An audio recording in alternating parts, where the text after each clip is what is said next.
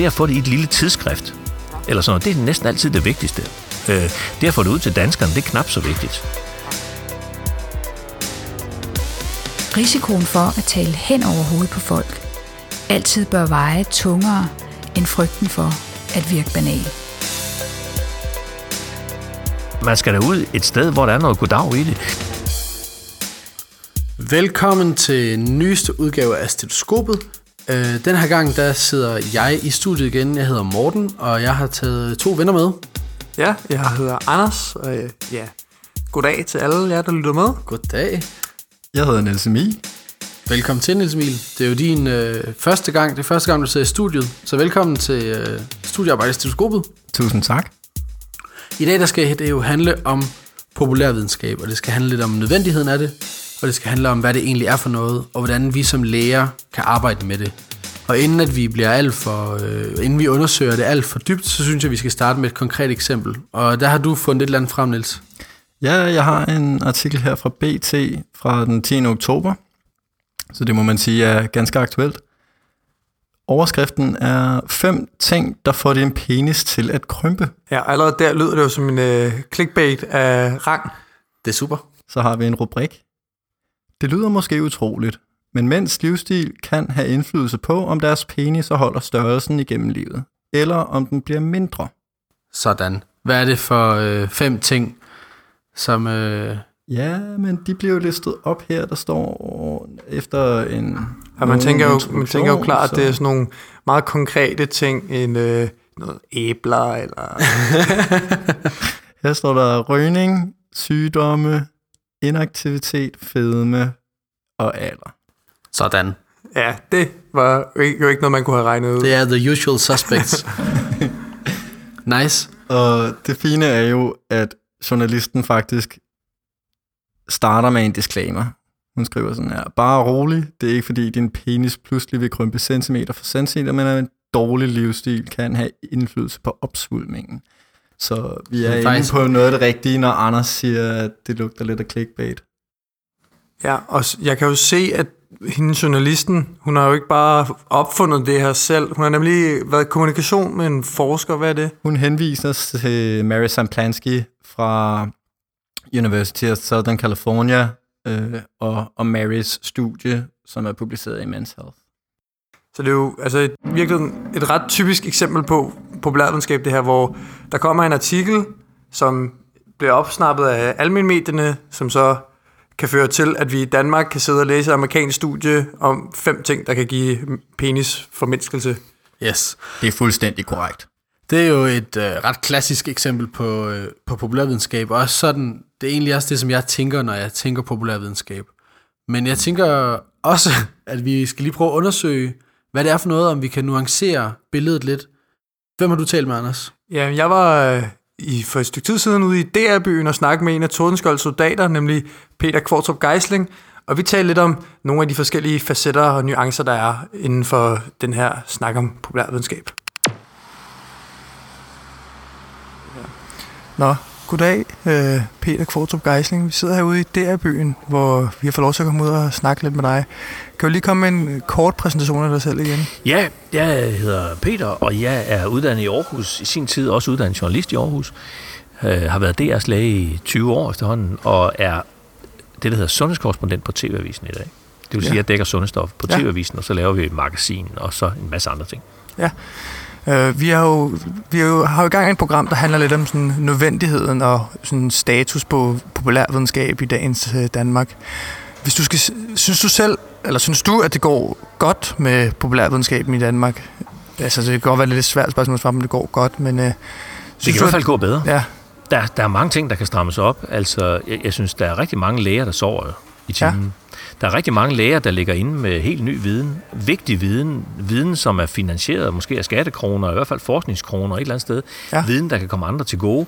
Og det, jeg altid ser som det vigtigste for mange af dem, det er, at de først kan få det offentliggjort i et eller andet tidsskrift. Det er at få det i et lille tidsskrift.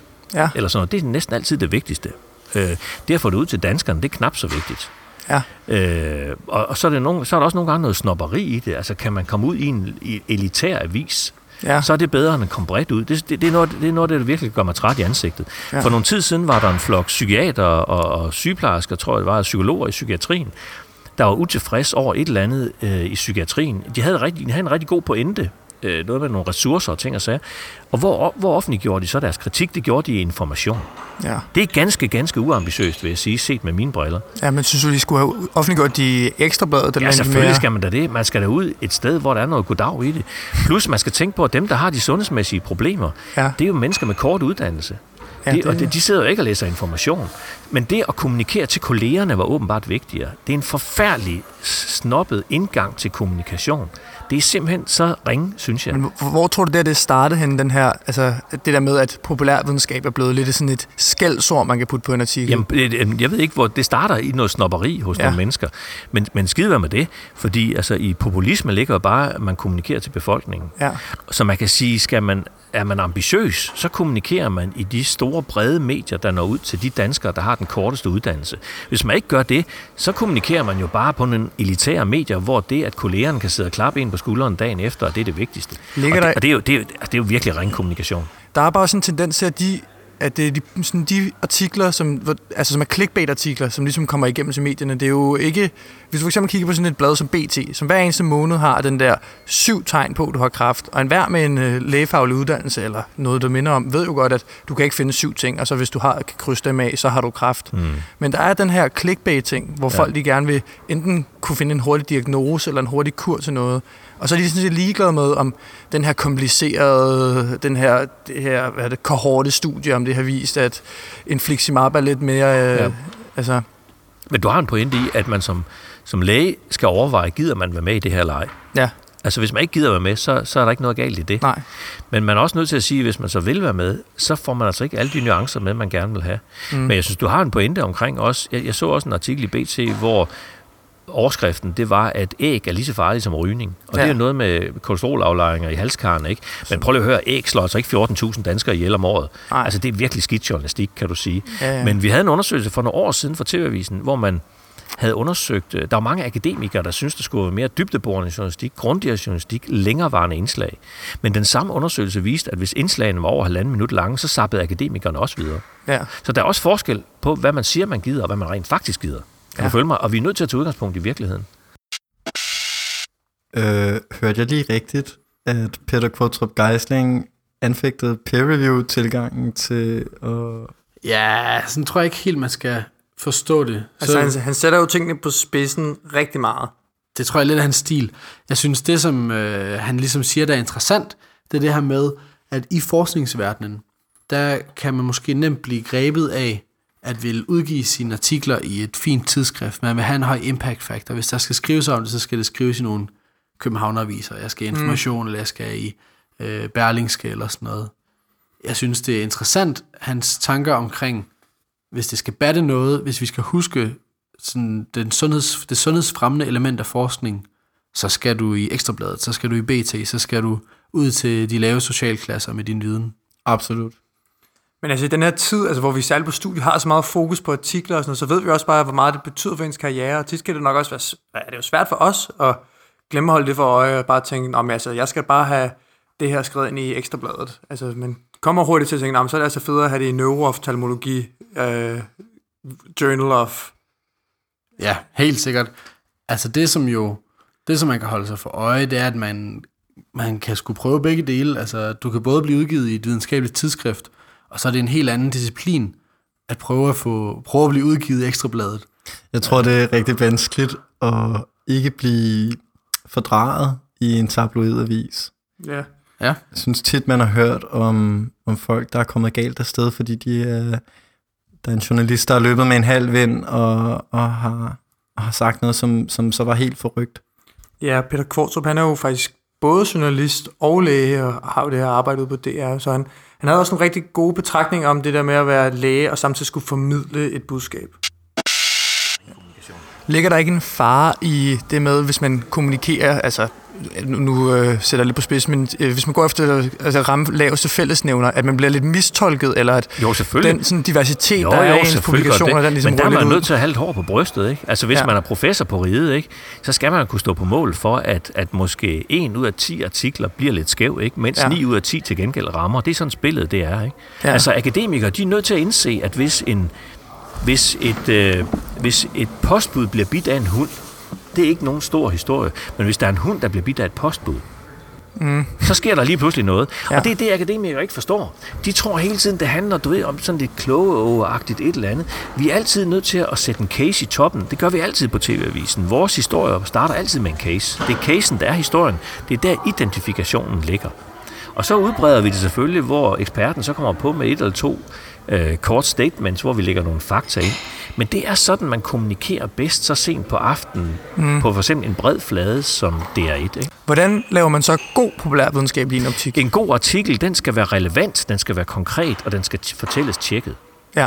Relevant, konkret tjekket, det er simpelthen statementen på en... Øh, det er øh, grund-DNA'en i en god mm. sundhedsartikel. Det er det, det handler om.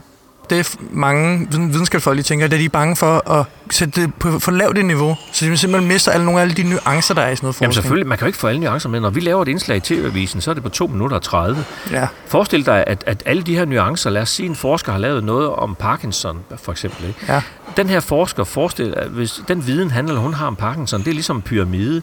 I et indslag i TV-avisen, der har vi kun den øverste sten i den pyramide. Ja. Vi kan simpelthen ikke nå mere. Til gengæld, så når du ud til en million seere. Til gengæld når du ud til mange seere med en kort uddannelse. Ja. Og der skal man altså have hår på brystet til at finde ud af, hvem er i virkeligheden ens målgruppe. Er det ens veluddannede, ressourcestærke kolleger, eller er det til mennesker med en kort uddannelse? ja. Og hvis man ikke tør det sidste, så skal man blive hjemme på, på, på, i, i, klinikken, så skal man blive hjemme i laboratoriet, så skal man slet ikke snige sig ud i det her. Det her synes jeg er fedt. Jeg hører Peter sige, at øh, man ikke som, som læge nødvendigvis har behov for at, at ytre sig på den påvidenskabelige scene. Men at de, som gør, de løfter en super vigtig opgave. Den opgave at oplyse Jakob Skomar, den, den almene dansker, øhm, om, om ny sundhedsvidenskab og hvad der, hvad der er relevant for ham. Det er meget mere værd end, end det tab af nuancer, som Anders nævner, der ofte er øh, et nødvendigt onde i populærvidenskaben. Ja, øhm, altså, det synes jeg, du har ret i. Det er fedt, hvis folk gider hoppe på den bane, men det ligger også i virkeligheden enormt langt fra meget af den formidling, som man er vant til som læge, som hele tiden er med, især når du formidler, formidler forskningsresultater, ikke også? Du er hele tiden med forbehold, du prøver hele tiden på at snakke det her ikke-konklusive sprog, og han, Peter Geisling, han siger jo bare, vi skal, det skal være casebaseret. Vi er fuldstændig ligeglade med, når en hund byder et postbud. Postbuddet skal bide hunden, og så har du en historie. Vi har den øverste sten i pyramiden. Det er en fuldstændig anden tilgang til det at formidle, end vi er vant til fra studiet. Der er ikke så akademisk ydmyghed i Det er der virkelig ikke. Og det skal der så jo ikke til, hvis du skal nå ud over rampen, hvis du skal komme i TV-avisen, og hvis du skal øh, nå ud til øh, herrefru Danmark og Jakob Skomager, så skal det serveres med i virkeligheden en saftig anekdote, som de kan øh, relatere det til.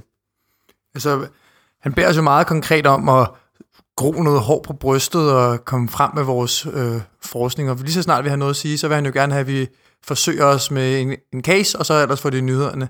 Vi snakker også lidt om vigtigheden af, at man på medicinstudiet allerede begynder at lære lidt om kommunikation til massemedier.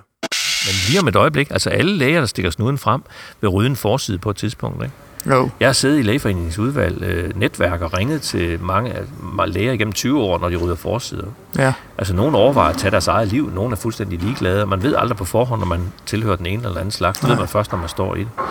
Øh, så selvfølgelig skal lægestuderende uddannes i, hvordan man massekommunikerer. Rest, det er da fuldstændig skævt andet.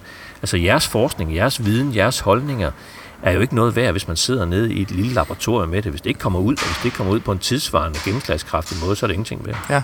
Synes du, der skal, øh, man skal søge efter at få mere videnskab ud i medierne, end, end der gør i dag? Eller? Ah, jeg synes, det fylder meget, vil jeg sige. Okay. Altså, der var en på et tidspunkt her i DR-byen, der i forbindelse med lanceringen af et program, en forsker, der holdt et foredrag, ministeren var der, de var der alle sammen dengang, forskningsministeren og alle mulige andre, der stod og sagde noget med, om, om et øjeblik, om fem år, så det der, de der fem minutter sport, de er der ikke længere, der er fem minutters videnskab. Ja. Så klappede de alle sammen, alle de akademikere, det kan de godt glemme alt om. Ja. Altså, videnskab kommer aldrig til at udkonkurrere sport. Hvis man Nej. tror det, så er man gået i skole for længe, ikke? Jo. Sådan er livet simpelthen ikke ude i virkeligheden. Ja. Men, men øh, selvfølgelig skal forskningen fylde. Danskerne interesserer sig rigtig meget for forskning. Men der er mange ting, der skal fylde. Jeg synes egentlig, mængden, placeringen, størrelsesorden, omfanget i dag er, er vel sådan rimeligt. Jeg har fået mig en mor, der spiser spil og klæder sig sjovt. Hun har holdninger og siger ting, som andre synes er flot. Men nu gør det ondt i maven, og mit hoved snor rundt. Jeg tror ikke det kan passe, at mor vil mig det ondt. Når hun tager mig til lægen, er der voldsom diskussion. Forklarer lys, og jeg tror han forstår min situation. Hun vil ikke lytte til de ting, som han siger er så sundt. Jeg tror ikke det kan passe, at vacciner gør mig ondt. Og nu har jeg fået hoste Og det gør man jo så tit men næste morgen gør mit hjerte ondt. Kan det være myokardit Øvre luftvejsobstruktioner? Hjertesvigter af rytmi. Jeg vil bare gerne have En vaccin mod difteri. Men pludselig mandag morgen Voldsom splenomegali Makulopapuløse udslet Jeg har det frygteligt indeni. Og jeg har svær motorisk uro. Og en grim pankreatit. Og jeg har også pistotonus. Og en svær encefalit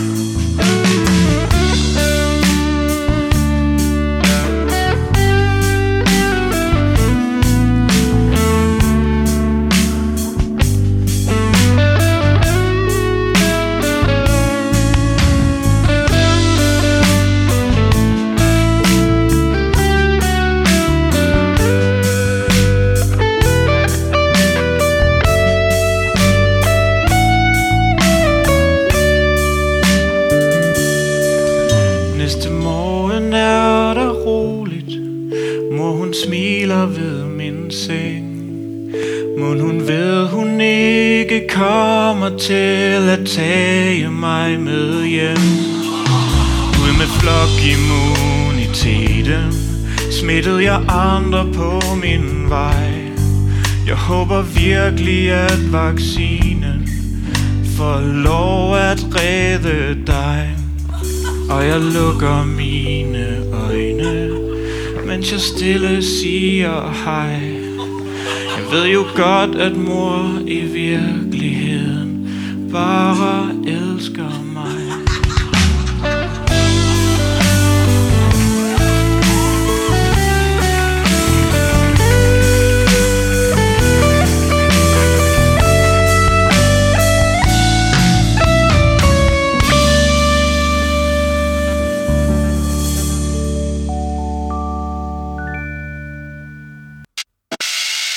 Ja, tak til Medicinrevyen for endnu en sang.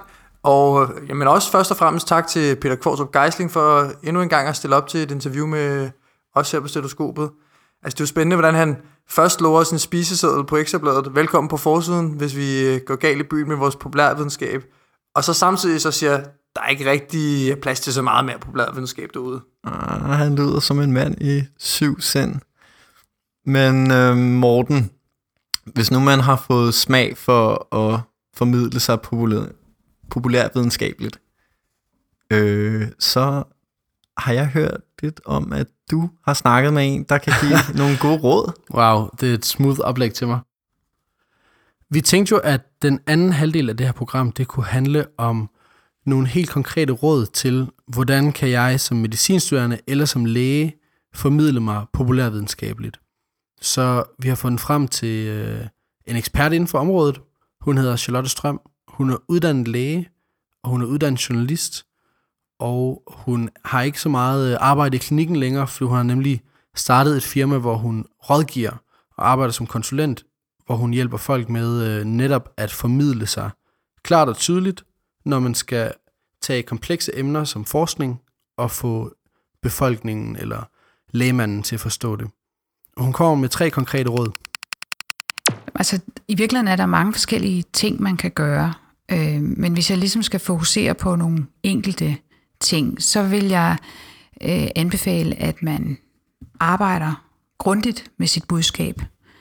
Øh, og det som, som det første, og det vil sige, at man, øh, at man simpelthen sætter sig ned med et stykke papir, deler det ind i tre kolonner, og skriver i den første kolonne, hvad er det, jeg vil fortælle, og i den næste kolonne skriver, det vil jeg fortælle fordi, eller det er vigtigt fordi, mm. og i den tredje kolonne skriver, modtageren af budskabet, og det kan man så definere, skal forstå at, eller skal have med sig herfra at. Og i, så kan man så køre øh, flere runder med det her øh, budskabspapir. Øh, start med at give sig selv masser af plads til at forklare og elaborere, og øh, også måske bruge nogle af de termer, som man føler sig tryg ved, mm. er præcise og er skarpe. Ja.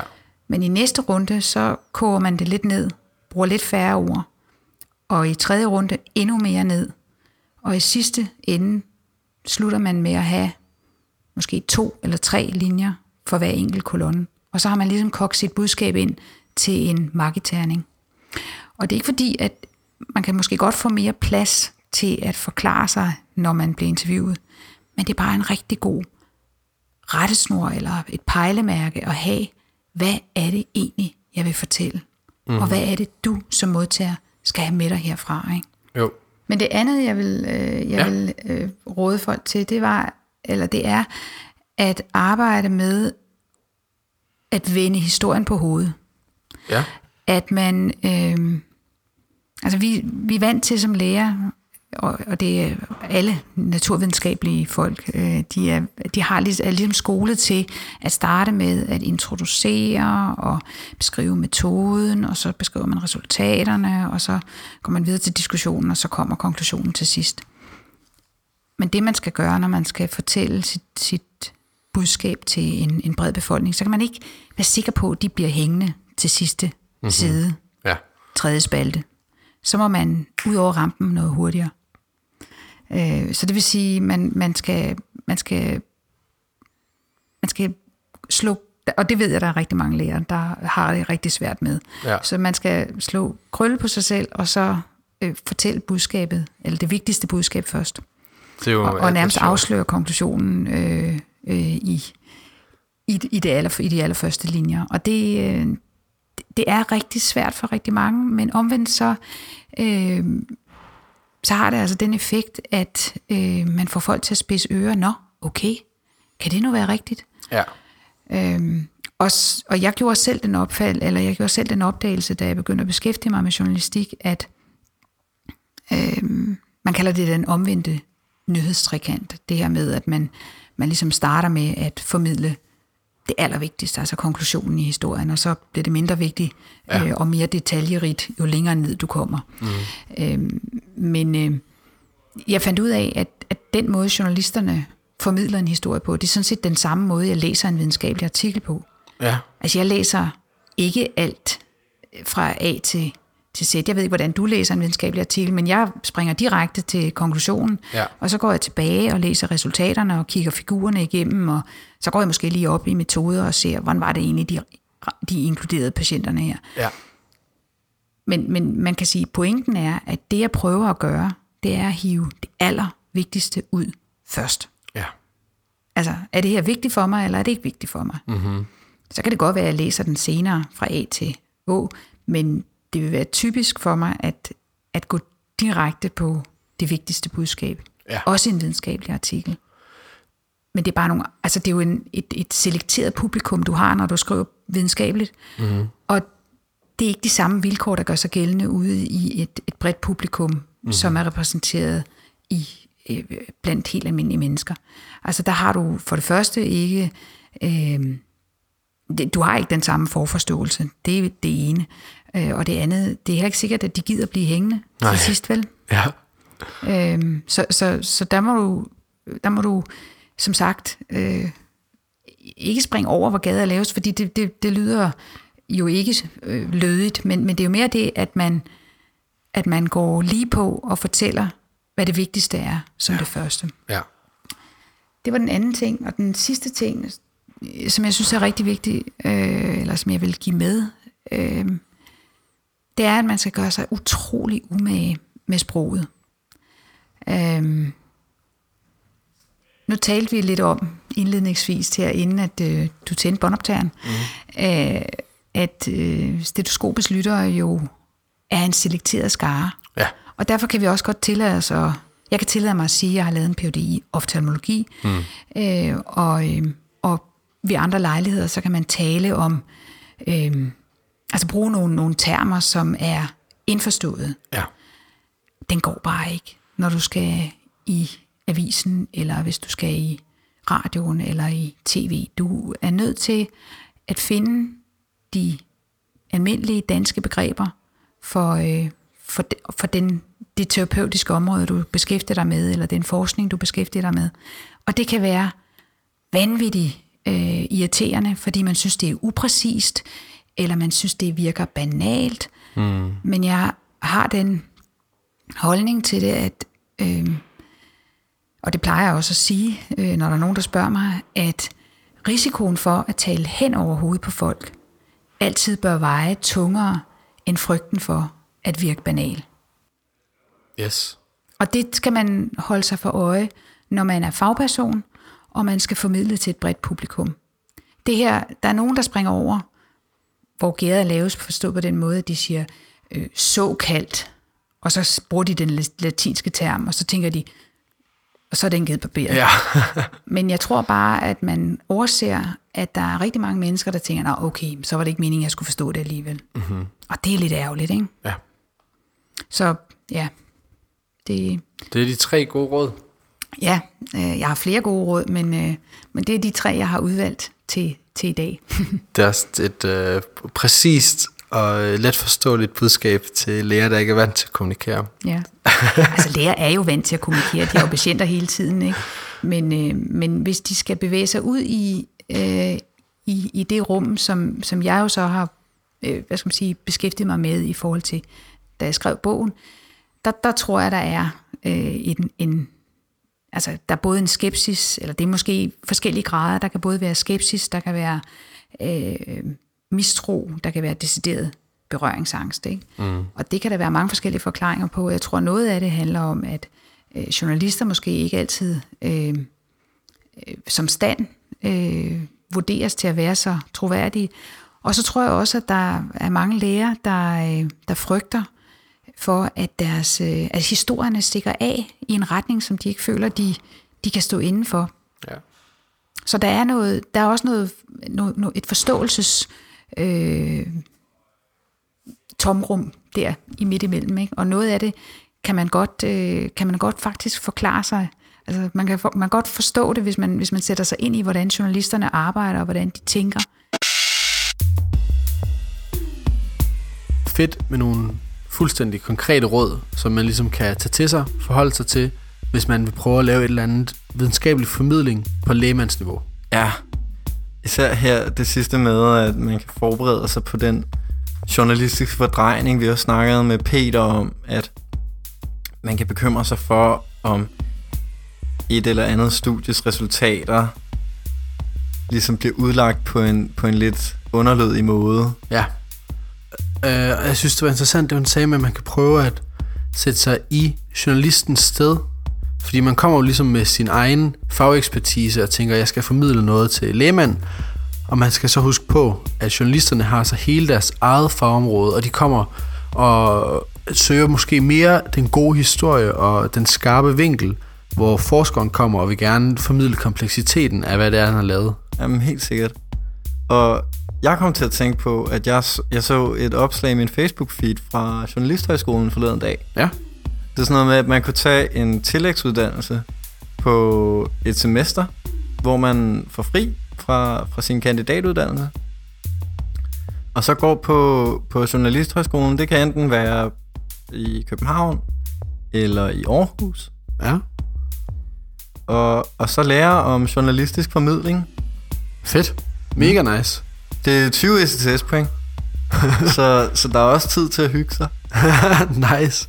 Vi øh, smider et link op inde på øh, program Ja.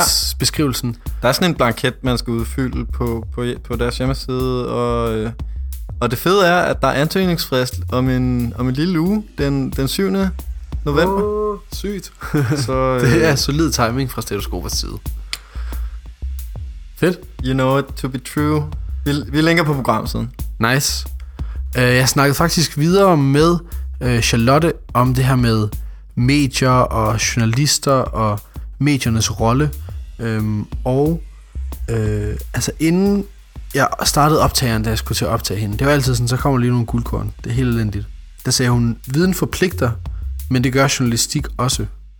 Og øh, så spurgte jeg hende, øh, vil du ikke tale lidt om, hvad mediernes rolle er i forhold til populærvidenskab? Ja. Og der sagde hun det her.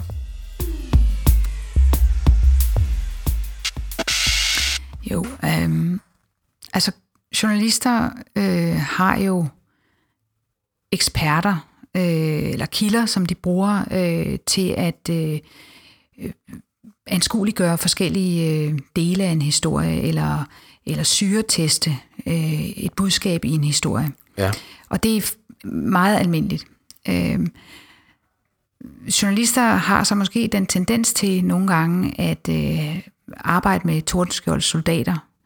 Øhm, og, og det er der en, en, en helt banal forklaring på. Øh, nogle gange skal det gå hurtigt, og, øhm, og så ringer man til den eller de få eksperter, som man er vant til at arbejde sammen med, og som man ved er gode til at levere varen. Mm.